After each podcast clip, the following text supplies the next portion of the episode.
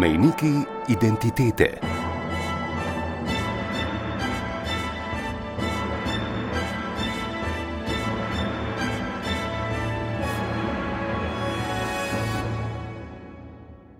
Kuge, Kuge, lakote Lakote in vojske reši nas, vojske.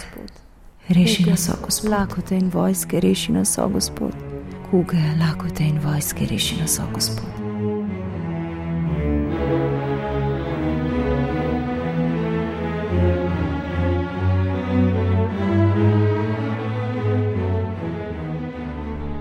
Kuga je huda nadloga vsega človeštva.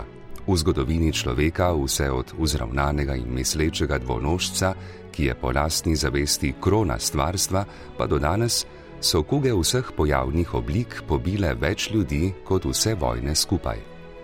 Trije izmed štirih svetopisemskih apokaliptičnih jezdecev vedno jezdijo skupaj: vojna, lakota in kuga. Včasih kopita kakega izmed konj prehitijo druga, a na koncu se vedno prepletajo, zdaj v takšnem, na to v drugačnem vrstnem redu, a venomer so. Pred vsemi pa je jezdec na belem konju, ki je upanje in hkrati rešitev. Zato ljudje v našem krščanskem prostoru že stoletja prosijo, Kuge, lakote in vojske, reši nas, o Gospod.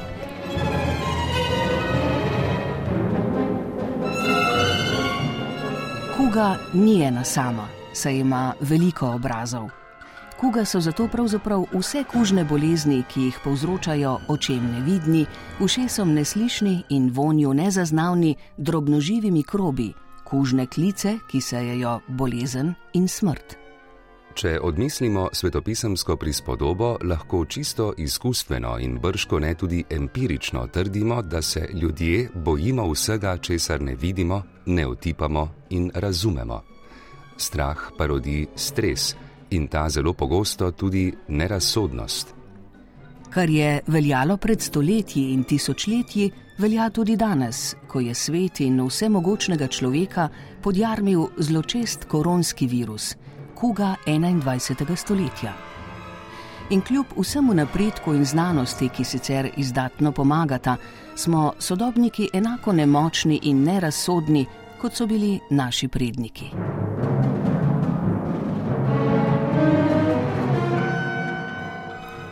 Znanost ve, da so mikroorganizmi, dobri in zli za človeka, obstajali že veliko prej, kot se je razvila človeška vrsta. So se tisočletne kuge sploh kdaj nehale? Ali so se samo potuhnile in čakale na ugoden trenutek, da bi spet zaplesale svoj ples smrti? Toda so kužne bakterije in virusi, za slednje pravzaprav še danes ne vemo, ali so sploh živi organizmi ali ne, v kakršnikoli povezavi z našim ravnanjem v naravi in z njo, z zemljo kot celoto. Smo za izbruh kuge, vseh prejšnjih in sedanje, sami krivi. Da bi to razumeli, moramo poseči v preteklost. Zato smo obiskali docentko na filozofski fakulteti v Ljubljani, arheologinjo in muzejsko svetnico, doktorico dr. Vereno Vidrih Perko.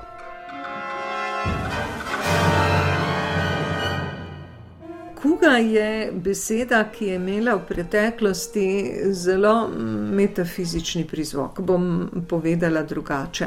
Skratka, ljudje so jo vseeno do nedavnega in verjetno v mnogih predeljih sveta še vedno jemali vsako bolezen, ki se je pokazala, da je kužna, da se je hitro širila, pravzaprav kot božjo kazen, kot nekaj, za kar jih je Bog kaznoval, ker niso živeli na pravilen način. In je pravzaprav pomenila tudi čas in rekla, opozorilo, da se vprašajo, kaj so narobe storili, ne? kot posamezniki in kot družba. Ne? To je to, ne? to je kazen za nek greh, nekaj, kar je bilo narobe.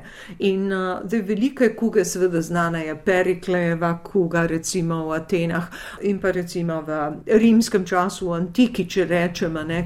pa srednjem veku, zdaj če pogledamo, kaj je kuga bila tistega časa. Je odprto vprašanje, zato ker z veliko krat po opisih ni moč točno sklepati, za katero bolezen gre. In tudi znanstveniki se ne strinjajo zmeraj. Dejansko pa pride do teh bakterijskih in virusnih bolezni. Pravzaprav vemo, da virusi živijo od pamti veka, verjetno že pred, je možnost, da pred nastankom Zemlje, nekateri pravijo, ne, da prihajajo iz. No, ja, tako je. Ne. In bojo seveda ostali še dolgo potem, ko ne bo recimo človeka. Ne. Tako da v primerjavi s tem smo silno, silno ranljivi. Ampak so se, seveda, tukaj njihova grozovita moč, ki je nedoumljiva, ki jo tudi naša znanost ne znava vsem pojasniti, ne? da se prilagodijo. Se pravi, z udomačevanjem živali, se pravi, z neolitikom. Ne? Se zaradi različnih situacij pravzaprav selijo iz gostiteljev, ne? menjajo gostitelja. In to bomo videli, da se zgodi, to se zelo jasno da razložiti, recimo predvsem pri Justinjanovi kugi, ne? ki jo lahko sledimo od Kitajske, zdaj pa res že z DNK raziskavami, pa do Nemčije in gre pravzaprav za iste viruse. Naj recimo za živino rejo se seveda zgodi, recimo ta TBC in tako naprej. Se zgodi potem seveda tudi z mesti, ki se oblikujejo, ko se zgosti število prebivalstva ne, in pa seveda predvsem z vojnami. Pa z gojenjem monokultur, in pa seveda zelo presodnega pomena je podnebje, na katerega pa tudi, seveda, človek vpliva.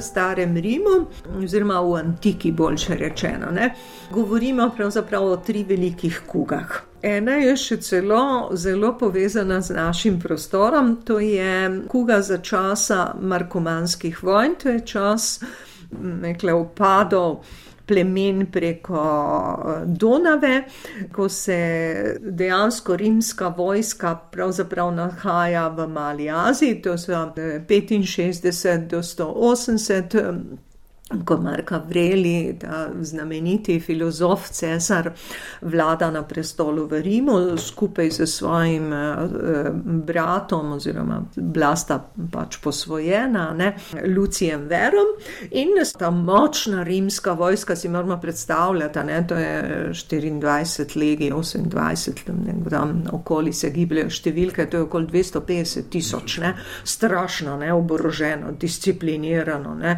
in edini pravi nasprotnik je Perzija, stara Perzija. No, in na doma zvejo, da so čez Donavo, kjer je bilo cesarstvo do takrat sorazmerno, eh, mirno, eh, vlada, rekla tudi blagostanje, kot radi opisujemo, ne povezano s cestami, z mesti, ne civilizacija na visoki stopni, in uderajo preko Donave germanska plemena. In v enem kraku grejo se do Dalmacije čez Balkan drugi krak, če, gotovo čez naše kraje, vse do Verone. In oplenijo, poropajo, odpeljejo suženstvo, pobijajo. In prvo, kar vojska v antiki naredi, in tudi kasneje, tudi danes, verjetno, ne, se požge, seveda, polja, se eh, opustošanje totalno. Ne. In lakota, ja, zelo pomemben dejavnik. Ne. Marka Vrel se z rimsko vojsko vrne takoj nazaj, opisujejo virje, ne pride do Akvileja, že vmes pravzaprav umre Lucifer, lepi mladenič, ne, za kugo. In tudi, ko pridejo potem v deželo, seveda se kuga prenese. Po opisih sodeč, pravzaprav naj bi šlo za črne koze ampak se ne strinjajo vsi s tem. Ne? To je ta variola vera, ne, kot oni pravijo, ne? gre za virus. Ne? In uh, rekla, ko Mark Avrel zbere svojo vojsko, da bi odšel na Donavo, gre skozi naše kraje, z njim se v teh četah nahaja najbolj slavni zdravnik antike Galen in eh, si veš čas dela zapiske in eh, celo mu je dovoljeno secirati do renesanse, to ni več možno. Ne? Predvsem te, kot se reče, barbare in dela zelo natančne opiske, ne? zapiske, tako da mi vemo približno, kako naj bi to izgledalo in z tega se sklepa da gre res za to silno nalezljivo bolezen. Ne? Mi se jo spomnimo še z leta 71, ko je v Jugoslaviji, ko smo bili vsi takoj cepljeni, ja. brez ugovora, splošno karanteno. V trenutku ni bilo govora, ne? zelo uspešno, moramo priznati, da se to je grozna bolezen. No, ko hočejo zbrati vojsko, je tako malo ljudi, da morajo poklicati v rimsko vojsko, ker služijo predvsem državljani, se pravi tisti najvrhnji ali plas sta ne, svobodni celo služne, celo zapornike in uh, tako naprej. Ne. In uh, zdaj, kaj je bistveno za to kugo? Ne? Prvič, prebivalstvo je zdesetkano zaradi vojnega pohoda. Uničene so poti, se pravi dostava, ki je bila zelo, zelo pomembna v rimskem času. Rimski mi si predstavljamo imperij kot mrežo cest in mest in dostava je seveda zelo pomembna. Vojska je je bila več čas zelo dobro vzdrževana. In tudi, seveda, prebivalstvo na nek način, in seveda, požig zalog, požig, seveda, pol, posledično ne samo od vojne izmučeni, ranjeni si lahko predstavljamo, ampak seveda tudi lačni in s tem pade seveda odpornost.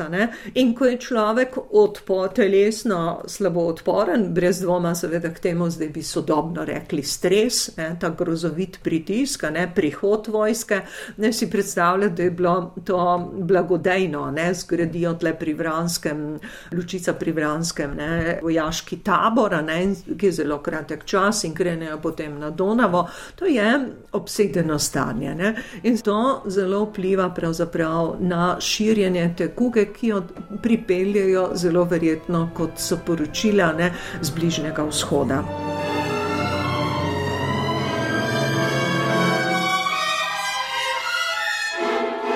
sama diskusija eh, se pa nanaša, seveda, znanstvena še na eno stvar. Namreč mi vsi vemo, da je bilo najbolj ugodno podnebne razmere v času zgodnjega Rima. Ne? In takrat je pravzaprav sorazmerno veliko padavin, dolgo, stabilno, toplo obdobje, sredozemlje resnično cveti, Severna Afrika jo tudi opisujejo, ne?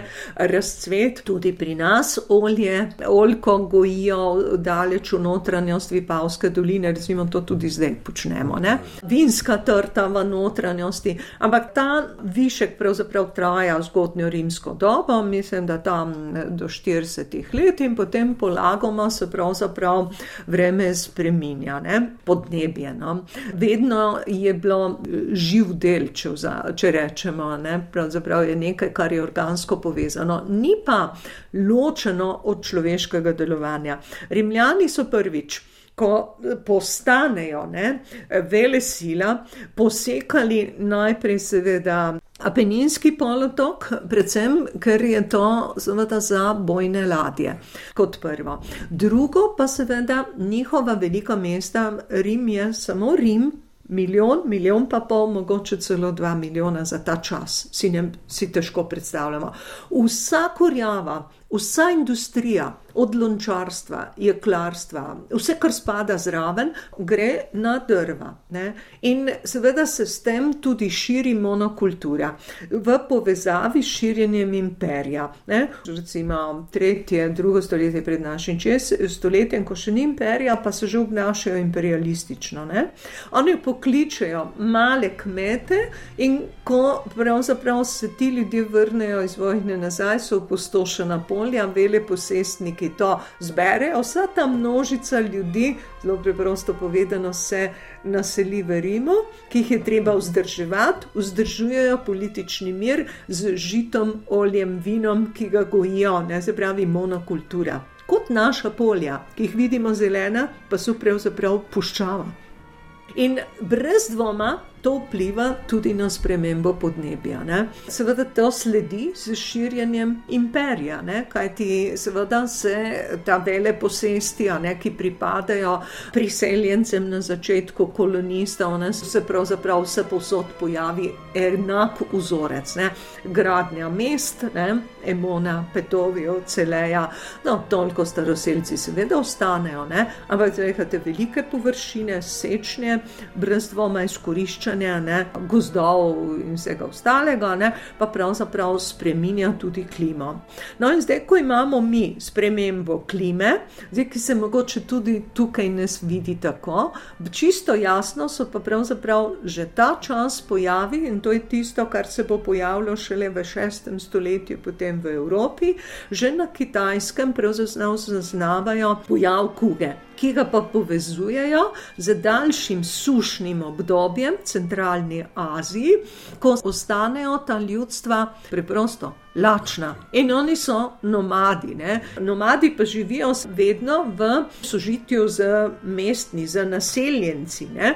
In seveda se premikajo skozi pokrajino pokrajino. Na eni strani se oni obrnejo proti Kitajski, ne vemo, gradijo zid in tako dalje, in potem sledi pravzaprav ta val, ki se pomakne proti zahodu ne? in ki bo v kratkem, nekaj stoletjih, to ni nič za človeško zgodovino zgodovino ali pa zemljsko, ne, rekla pravzaprav tudi dosego. Pravi, imamo že model, ne, pravi, žita zmanjkuje, zmanjkuje hrane, ne, širijo se problemi, ne, treba je žito uvažati ne, in seveda tukaj se pokrivajo modeli. Ne.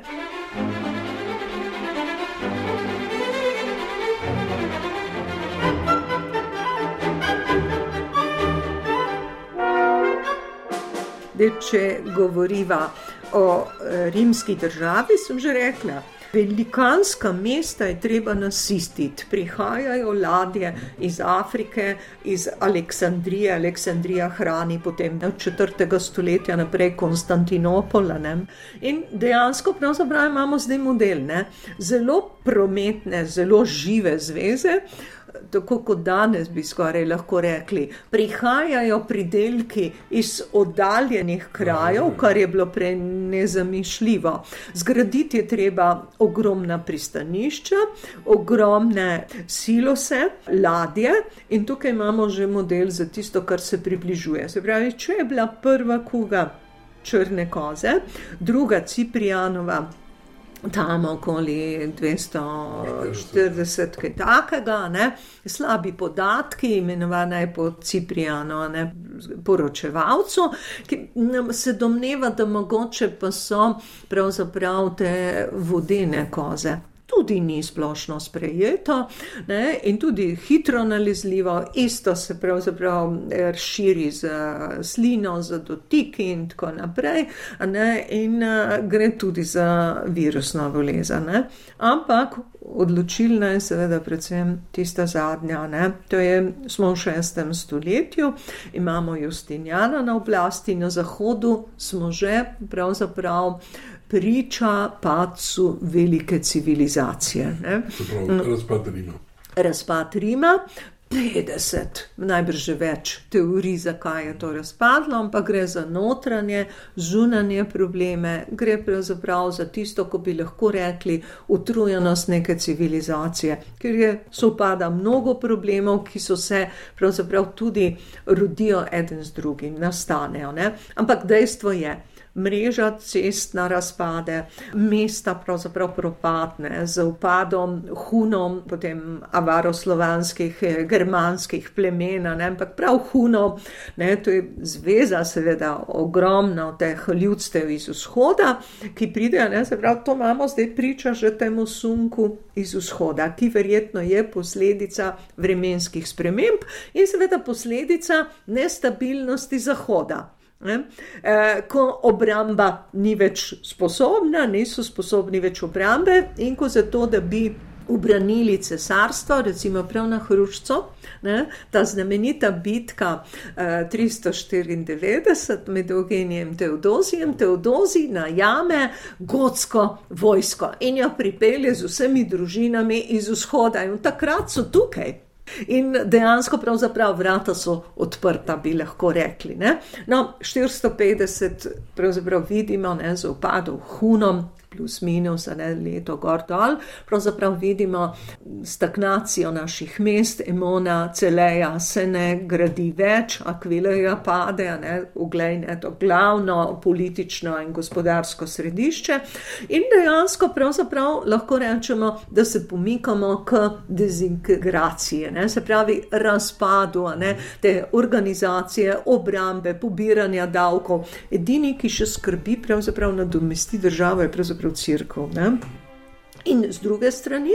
Konstantinopol, ki je dobro organiziran in ki z prefinjeno diplomacijo pravzaprav pošilja te prišleke ne, proti zahodu. Kuge, Kuge, lakote in Lakote vojske, reši nas, o vojske. Gospod. reši Kuge, nas, Gospod. Lakote in vojske, reši nas, Gospod. Kuge, lakote in vojske, reši nas, Gospod. In tukaj imamo pa zdaj spet model. Ne? Iz vzhoda prihaja, se razširi črna podgana, kot rečemo, ne? z žitom po vseh žitnicah, pridejo pravzaprav z um, ladjami, ne? najprej na severu Egipta se pojavi, no in imamo potem pravzaprav po vseh pristaniščih se pojavi v sredozemlju kuga. a ne. In to je seveda prava katastrofa. Sledi pa seveda takoj zatem. Pravzaprav še nekaj, ne? da zaradi pravijo, da tretjina, morda celo polovica prebivalstva ne bi pomrla, kar je ogromna številka, nezamišljiva. Gotovo je pretirano, gotovo gre tukaj, seveda, tudi, ker zdaj že govorimo o krščanski Evropi ne? in gre brez dvoma, seveda, tudi za to pretirano, ne? božja jeza je velika, ne? božja kazen je velika za grehe in tako naprej. Dejstvo pa je, ne? Da oslabljeno pravzaprav prebivalstvo, ne, z desetkano, še manj pridelka pobere ali pa ostale na nivi, ali je požgano ali uničeno zaradi napadalcev. a Ne, in tukaj se zgodi, ko pride, pravzaprav tle pride več faktorjev, ne, se pravi okolje, suše, bolezni, potem pa seveda tudi moment eh, vzpostavljenega mm, prometa med temi številnimi mesti, a ne, ki še vedno eh, živijo, ne, Cirenajka, Aleksandrija, na drugi strani, ne, kapecen Konstantinopol, ne, kaj se zgodi, ne, ko zmanjka, tukaj pa biologi opozarjajo, ko zmanjka žita, seveda zmanjka tudi hrane za podgane. Ne? In takrat se virus mutira in preskoči na človeka. Ne? Ne? In tukaj je ta pomemben moment. Išče najšipkejši člen, pravzaprav. Da, seveda.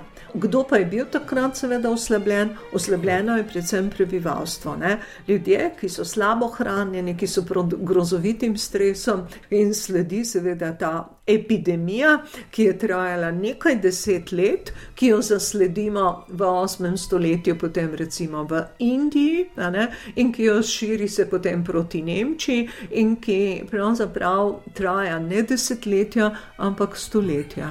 In tukaj je tisti pomemben moment, ki nas opozarja na podobnosti z današnjim časom. ne.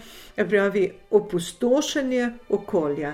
V manjši meri, brez dvoma, je močan vpliv tudi v antiki človeka na okolje. Ne? Prosekanje, uh, sajenje monokulture, ne, prometne zveze, ne, kjer se zaradi politične stabilnosti pravzaprav privaža tone in tone. Ne, v Rimu imajo v privezu 800 ladij, a ne vsaka po 250 ton ne, žita. Mislim, to so nezamišljive količine. Zakaj? Zato, ker so izpraznili podeželje, kjer je bil to malo gospodarstvo, zato da so nasadili velike nasade, ne, vele posesti so nastale in to prebivalstvo, ne, treba seveda nasisiti. Ne. Potem iztrebljenje živalskih vrst, ki sledi. Direktno ali indirektno, ne, rekla, kar se pač spremeni okolje, ne, in seveda gostota. Posledična je seveda tudi enostranska hran, prehranjevalne navade, približno tako kot mi danes. Seveda jema hitro hrano, veliko sladkorja, unih eh, pijač, mehurčko ali kako se že reče. In na neki stopni primerljivo tudi z temi velemesti, Rimom in drugimi. Ne? Ko je eh, prehrana bazirana na žitu, ne, se pravi, moko se uporablja veliko, eh, garumo, prešiče, eh, meso, svinsko meso, nasoljeno prihaja in tako dalje. Ne. To je čisto drugačna prehrana, kot je bila nekočne in na podeželju spet lakote. Se pravi, da če tukaj primerjamo, gre za tako kot danes, ne, ko prihajajo iz vseh vetrov sveta, iz izdelki, ki so cenejši. To je politično, ne? ekonomsko, pravzaprav. Zelo podobno, sicer res površno zdaj primerjam, ampak vendarle podobno. Ne? In uh, potem smo rekli, higiena v mestih. Ne? Bi takoj lahko rekli, da to ni primerljivo. Mi smo na višji stopni. O katerih mestih govorimo? Govorimo o celi, globalno moramo zdaj to raztegniti. Tudi takrat sta bila rimski imperij in kitajski imperij globalno mišljena. Ne? Imperium sine fine, ne? to je svet brez meja, ne? brez konca, oni so ga tako dojemali. In tudi danes, pravzaprav, ne? govorimo o, o uh, današnji kugi, če smem reči, pravzaprav v globalnem pomenu. Mesta v Aziji, zdaj je zadnja leta velikrat priložnost obiskati ta mesta. Vstopila sem tudi v slame, ker si ne moremo predstavljati, kako. Pa ne zdaj nič grdega, ne mislim, ne tega tako vzeti, ampak rekla recimo, kako so ta mesta neskončno umazana. Nim uspeš še na uh, letališčih imeti umazana stranišča. Kaj vse ti ljudje pojedo, jasno, ker drugače ne morejo preživeti. Ne? Da ne govorimo o Indiji, da ne govorimo o drugih koncih. Tukaj pravzaprav je ohranjena antika v vseh, v vseh oblikah.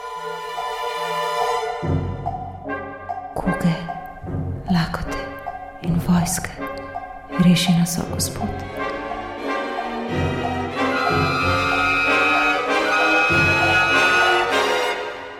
Preden nadaljujemo s sedanjimi razmerami, se moramo ustaviti pri kugah na evropskih tleh v srednjem veku, ki so se s presledki zavlekle v renesanso. Učili so nas, da je po propadu rimskega imperija z visoko razvitimi mesti ter z dobrimi cestnimi, rečnimi in morskimi povezavami zavladal mrakobni srednji vek, kot je pisalo v učbenikih.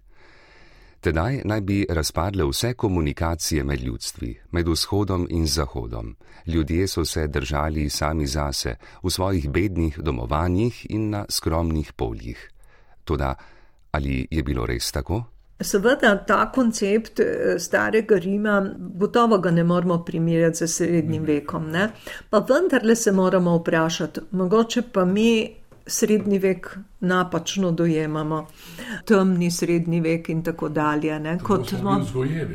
Tako smo bili vzgojeni. Zmeraj mora biti nekje tema, da več svetlobe pade na nas.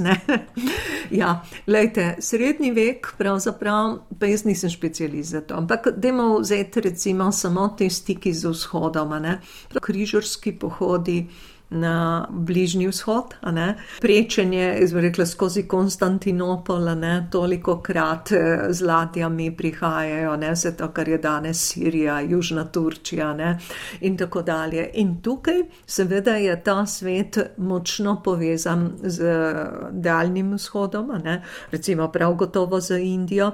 Nisem niti omenila tega, da recimo že v času sedmega stoletja pravzaprav se arabski arabski svet prav zaradi oslabljenosti Zahoda in Konstantinopla oziroma Bizanca zlije vse do Španije ne, in da tukaj potekajo pravzaprav vezi, ki jih mi na naših kartah ne prikazujemo. Zato, ker naše karte so običajno zgodovinske.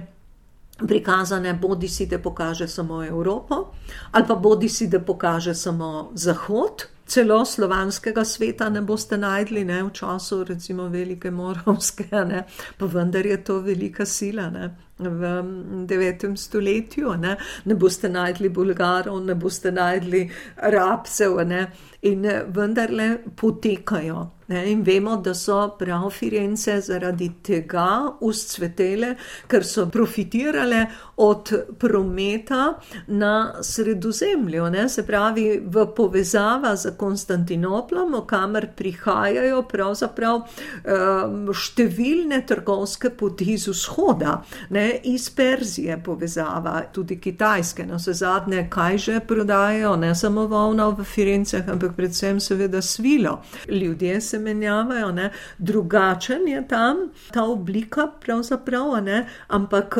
kritična presoja pokaže, da tudi naš zgodovinski pogled je malce okleščen. Ne?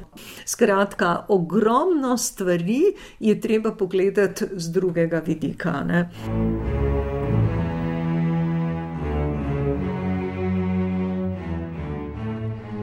Kuge v Evropi so se po dolgotrajni epidemiji v 8. stoletju z občasnimi premori pojavljale v srednji vek. Tudi pri nas, in sicer že konec 9. stoletja na Koroškem, Štajerskem in Kranskem, in kmalo po letu 1000 na širšem ljubljanskem območju. Sledilo je stoletje občasnih kuk od konca 12. do konca 13. stoletja ki v več valovih zajamajo celotno ozemlje današnje Slovenije in Istro. Ena najbolj smrtonosnih kuk srednjega veka je kosila po Evropi sredi 14. stoletja. Z večjo ali nekoliko manjšo intenzivnostjo je zajela vse predele stare celine, od njenih vzhodnih do zahodnih meja. Najverjetneje je bila to bobonska kuga, ki so jo imenovali Črna smrt in je pokosila vsaj tretjino takratnega prebivalstva. V več zamahih je kuga morila zdaj tu, zdaj tam, tudi v 15. in 16. stoletju, največkrat v povezavi z ogrskimi in turškimi upadi. A na naših tleh je bila najhujša kuga sredi 17. stoletja, ki se je naglo širila po vseh tedanjih središčih s prometnimi povezavami s sosednjimi italijanskimi, ogrskimi, nemškimi in hrvaškimi pokrajinami. Iz teh središč se je širila na podeželje in težko bi našli dolino ali pokrajino, ki je kuga ne bi prizadela. Kako je bilo, si bomo ogledali na primeru ljubljanskih dravel, ki so bile še v prejšnjem stoletju vas na obrobju Ljubljane in jih je kuga v letih 1646 do 1683 na tem območju najbolj prizadela. Kuge je preučevala domačinka, upokojena univerzitetna diplomirana inženirka tekstilne tehnologije in poznavalka zgodovine domačega kraja Marija Koman. Odnegdaj me je že zanimalo, zakaj so se včasih sredi avgusta 15. in 16. zgrinjale množice romarjev v Dravle k svetemu roku, ki je veljal za zavetnika proti kugi. Našla sem več virov, ki o tem poročajo. In sicer zgodovina Šentviške župnije, v kateri je v Kugi v Dravlah pisal dravelski rojak dekan Ivan Kogovšek, potem je knjižica Dravle iz starih korenin Novo drevo, ki jo je napisal prvi dravelski župnik Pater Lojze Štrubel. Našla sem v družinskem arhivu tudi članek v časopisu Slovenci iz leta 1937, ki je povzet po zgodovini slovenskega naroda Josipa, dr. Josipa Grudna. Seveda tudi v slavi Vojvodine Kranske poroča Janez Vajkart Varvazor takole o Dravlah. Vas zdravlje leži v mični ravnini. Tu stoji crkva Svetega Roka, kjer so nekdaj pokopavali mrliče, ki jih je tam pred več leti kuga pomorila. Res je bila kuga v prejšnjih časih ena strašnih šib božjih. Po tem izrazom so se tedaj pojmovale razne bolezni. Najhujša je bila kuga z oteklinami in črnimi pegami po koži, rekli so ji črna smrt. Nekateri oboleli so se krvavo potili, drugim so otekle noge, a marsikdo je samo kihnil in že je bil mrtev. Od tedaj pravijo, če kdo kihne, Bog pomagaj. Meso je kipelo kakor kvas in širilo grozen smrad. Od takrat tudi rečemo, da smrdi kot kuga. Iz ust in nosnic je vrela črna kri, iz odprtih tvorov pa se je cedila smrdljiva tekočina. Bolezen se je hitro širila. Pri takem bolniku ni mogel nihče zdržati, in zato je bilo težko dobiti človeka, ki bi pokopaval te nesrečneže. Kdor je bil kljub temu toliko pogumen, se je približal hiši, v kateri je bil preminuli od kuge, imel je dolg drog, na koncu je imel železen kavelj in je z njim potegnil mrliča iz hiše in ga potegnil v jamo, ki je bila izkopana na lašč za te mrliče. V jamo so dali več mrličev, potresli so jo živim apnom in šele na to zagrebli. Grobišča so bila zunaj vasi, na pokopališčih pa niso smeli pokopavati kužnih bolnikov. Na teh grobiščih so potem postavili znamenja v spomin, in tako znamenje so v Dravlah postavili že leta 1645. Imenovali so ga Rokovo ali Debelo znamenje. Leta 1956 so znamenje ob širitvi celovške ceste podrli, kipe so pa ohranili. In leta 1991 so prizadevni farani postavili novo znamenje, ki je verna podoba starega v merah, v obliki in materialu.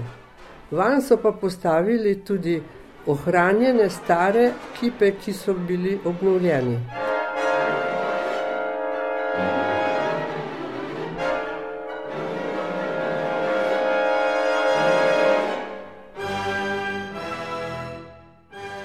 Mnogo lažja kot črna je bila pa bela kuga.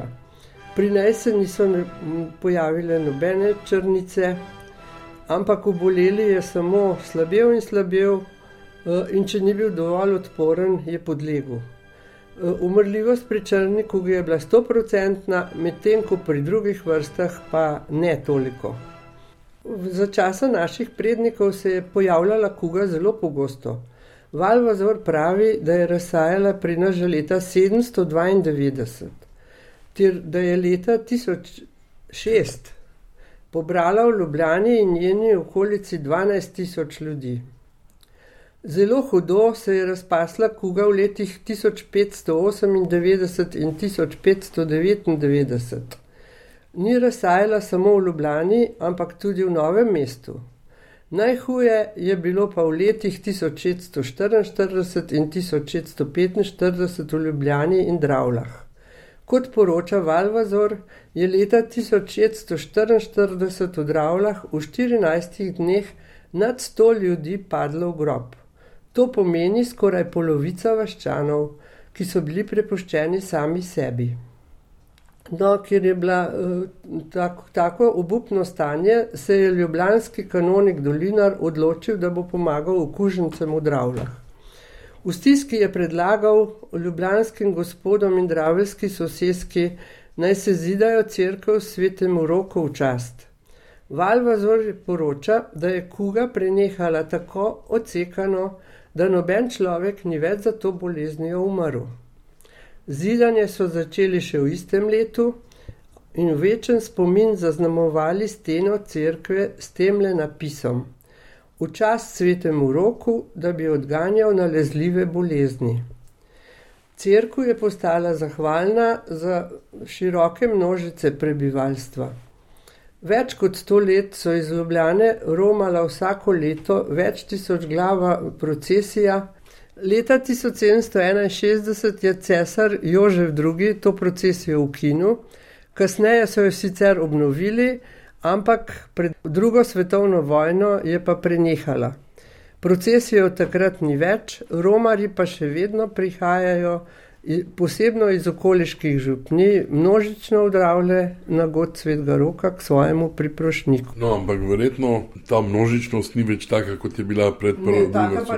Taka množičnost sigurno ni, kot je bila nekdaj, ker nekdaj so se vile cele procesije še v moji mladosti ko praktično ni bilo več teh organiziranih, niti jih ni smelo biti, ampak je bilo praktično po vodnikovi cesti skoraj neprehodno. To, Toliko je bilo uh, množično. Mm, takrat je bila vodnikova ja. cesta dominantnejša, ja. glede na celovško, ki je bila manjša. Ne? Ja, seveda je bila.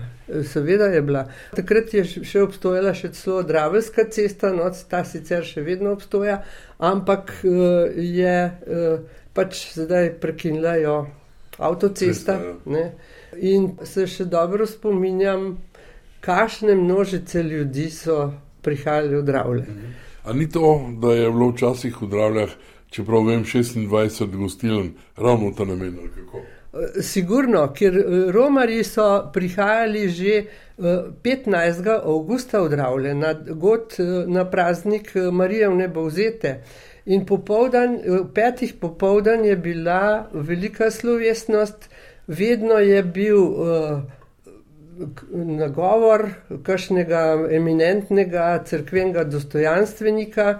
Eh, in to je se dogajalo zunaj, ne v cerkvi, ker cerkev je bila absolutno premehna. Bile so tudi pete litanije Matere Božje, in potem ogromno teh romarjev je v Dravljah prespalo.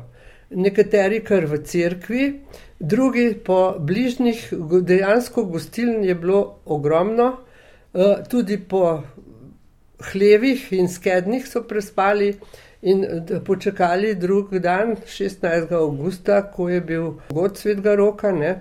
E, in pač takrat še nadaljevali potem z molitvami in bili tudi pri maši, ker včasih popoldan ni bilo maše. Ne?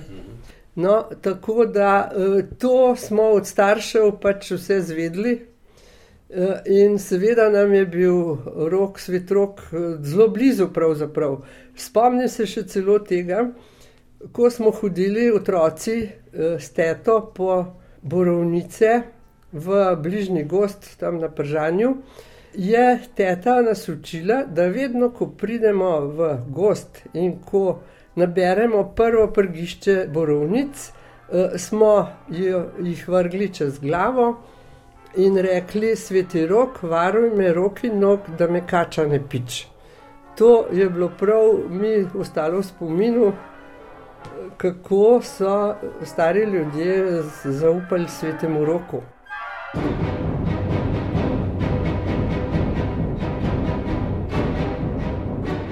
Kakšen je bil odnos oblasti, tedanjih, seveda, ne, do kuge same in do ljudi, ki so za njo zbolevali? Zasledila sem članek v Slovencu iz leta 1937, kjer piše sledeče. Oblasti so bile nekdaj uverjene, da so kuga, lakota in vojna kazni za greh, ki jih Bog pošilja zaradi trdoratnosti grešnikov, katere z njimi prisiljuje k pokoru in poboljšanju.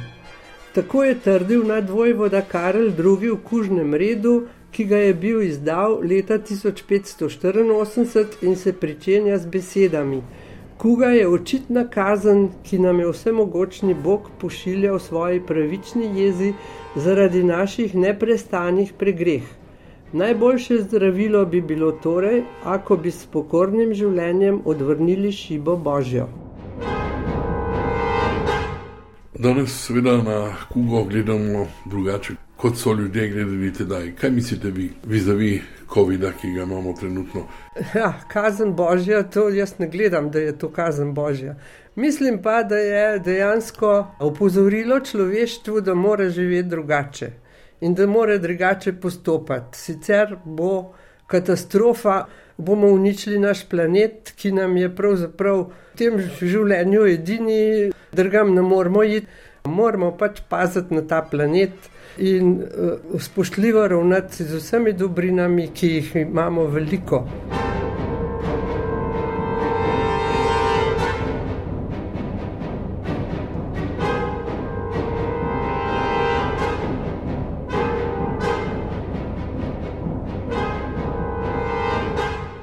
Kuge, lakote in vojske, reši nas, vojske. Reši nas, Gospod. Lakote in vojske, reši nas, Gospod kuge, lakote in vojske reši nas, o Gospod.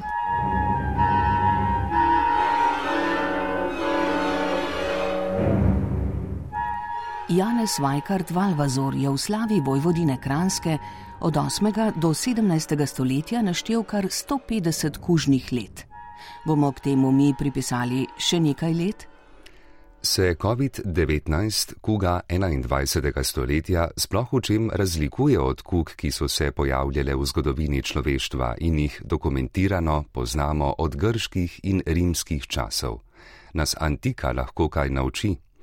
Lahko, pravi doktorica doktorica Verena Vidrih Perko.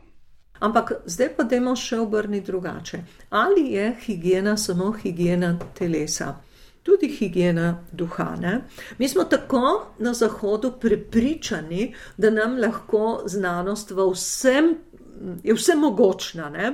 vse razloži, vse uredi, in človek ima občutek, da vlada temu svetu, na mesto Boga. Ne? Se pravi, na duhovnem nivoju smo pa mi zelo, zelo zanemarjeni. Ne? Vsak stres se nas dotakne, ne? predvsem ta sprejemanje človeka kot končno bitje, kot smrtno bitje. To je prepovedana tema, tabu tema. Ne, to smo vse odrinili. Kaj to pomeni? Ne? To pomeni pravzaprav civilizacijski stres. Ne? Grozovit šok, ko ugotovimo, da ne nadoma pa pravzaprav ljudje umirajo. To je ta pravzaprav tudi, jaz bi rekla, en duhovni eh, higijenski minimum, ne? ko bi se človek moral pravzaprav tudi soočiti v svojem življenju z svojo lastno minljivostjo. No, in druga stvar je, če pogledamo, kako živimo. Ne? Vsi mi smo danes na Zahodu pravzaprav živi zahvaljujoč antibiotikom, cepljenju, bolnicam, dobri oskrbi, pa lahko še tako šimfamo, zbolite nekje v Aziji, pa boste videli, kaj to pomeni. Ne? Že recimo biti navaden bolnik, navadni bolnici v Italiji, pa nič slabega nočem čez njih. Ne? Ker potem bomo zelo, zelo hvaležni našim oskrbam in to, kar je, vedno se da narediti bolje, ampak jaz bom rekla, predvsem zdaj, zdaj, da ne bo tega preskoka prehudga, ampak jaz bom rekla, ne smemo tega zanemariti. Telesno smo zelo oslabljeni. Ne? Včasih je človek preživel, spomnite se, kaj so naše še stare mame preživele, oziroma če so niso preživeli ker je vse to pomrlo. Ne? In eh, zaradi cepljenja so naše generacije danes žive, ampak so tudi bolj odporne. Proti določenim virusom, da, virusi so pa silno inteligentna bitja, seveda z drugačnim pojmom inteligence, ne? se prilagajajo, preskočijo, mimo grede se širijo in ko si najbolj nepripravljen, pravzaprav izbruhnejo. Ne? Tukaj te vojne ni moč dobiti na eni fronti. Ne, ampak treba se ozavest vseh šibkih točk, ukolikor je to sploh mogoče. Ne. Tako da, kaj nas antika uči? Virus zla je pohleb, Ne? In uh, tako kot tudi v antiki, recimo, ravno včeraj je bila konferenca v Zagrebu, sem jo prej omenjala, ko smo govorili o rimski arheologiji. In dejansko, če obrnemo pogled, tudi arheologija in tudi zgodovina in druge vede smo dobesedno imperialistično zazrti v preteklost in pravzaprav raziskujemo najbolj bogato plast, ki je pismena, seveda, ne, ki ima najboljše predmete ne, in jo tudi imperialistično razlagamo. Nič ne vemo o tistih nevidnih plasteh, tako kot danes nočemo nič vedeti ne vemo nič, ko govorimo, da danes živi človek zelo dobro. Kateri človek? A se kdaj vprašamo, kako živijo v deželah, kjer voda poplavlja pravzaprav vse, ne? ker jim je vse vzelo. V velikih mestih, kjer živijo ljudje, milijoni na ulicah. Ne? Tukaj bi res morali, morali, Zahod bi moral resnično se soočiti s tem dejstvom. Ni dobro meni, dokler je nekomu slabo Ne? In dokler bi lahko recimo z minimalnim prispevkom, recimo za ceno ene kave na dan, pravzaprav lahko enega otroka v svetu študiramo. In ni rešitev v tem, da imamo cenejše izdelke in da jih imamo več, zdaj vidimo, zdaj se srečujemo seveda tudi s tem. Zasuti smo tako kot v starem Rimu. Ne? Recimo v Rimu odkopavajo na milijone amfor, umeten grič je, ne? na videzno blagostanje, ki se ni dotaknilo vse. In rekel, ravno tako smo mi danes zasuti s smetmi, ne? zaradi tega seveda živi celotna družba slabo in predvsem seveda naše okolje. Spremembe so osko povezane z našim načinom življenja. S tem bi morali pravzaprav živeti. Zdaj, za nazaj, ko gledamo v starem Rimu, ne, da je pravzaprav prineslo te upade in premike ljudstev, pravzaprav blagostanje starega Rima in seveda ta imperialistični posegi v bližnje prostore. Ne, zelo podobno ne, na nek način, ne, ta spopad s Perzijo. Ne spopad z Irakom, ne, danes rečemo drugače, ne, da širimo demokracijo. Ne. In širjenje kužnih bolezni je težko razložiti samo z enim dejavnikom, težko razložiti samo z zgodovinskega vidika. To je klic k sodelovanju, ne, tudi interdisciplinarnim študijam, da bi človek razumel bolj samega sebe danes in pa seveda v bodoče bolje ukrepal.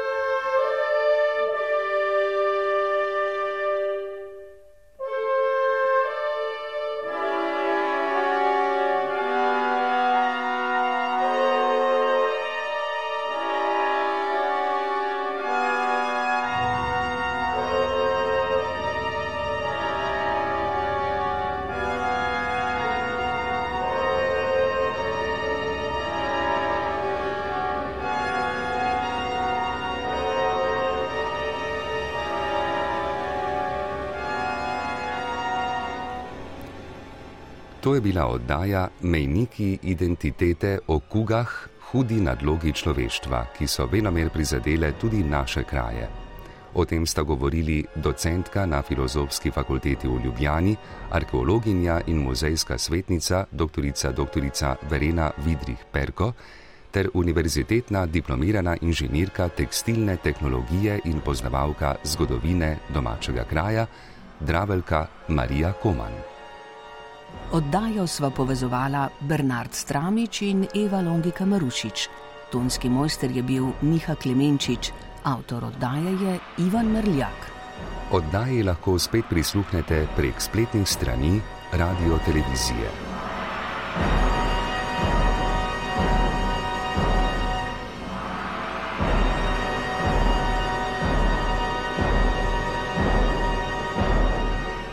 Kuge. Kuge lakote in vojske, reši nas vojske. Reši nas, Gospod. Lakote in vojske, reši nas, Gospod. Kuge, lakote in vojske, reši nas, Gospod. Reši nas, Gospod.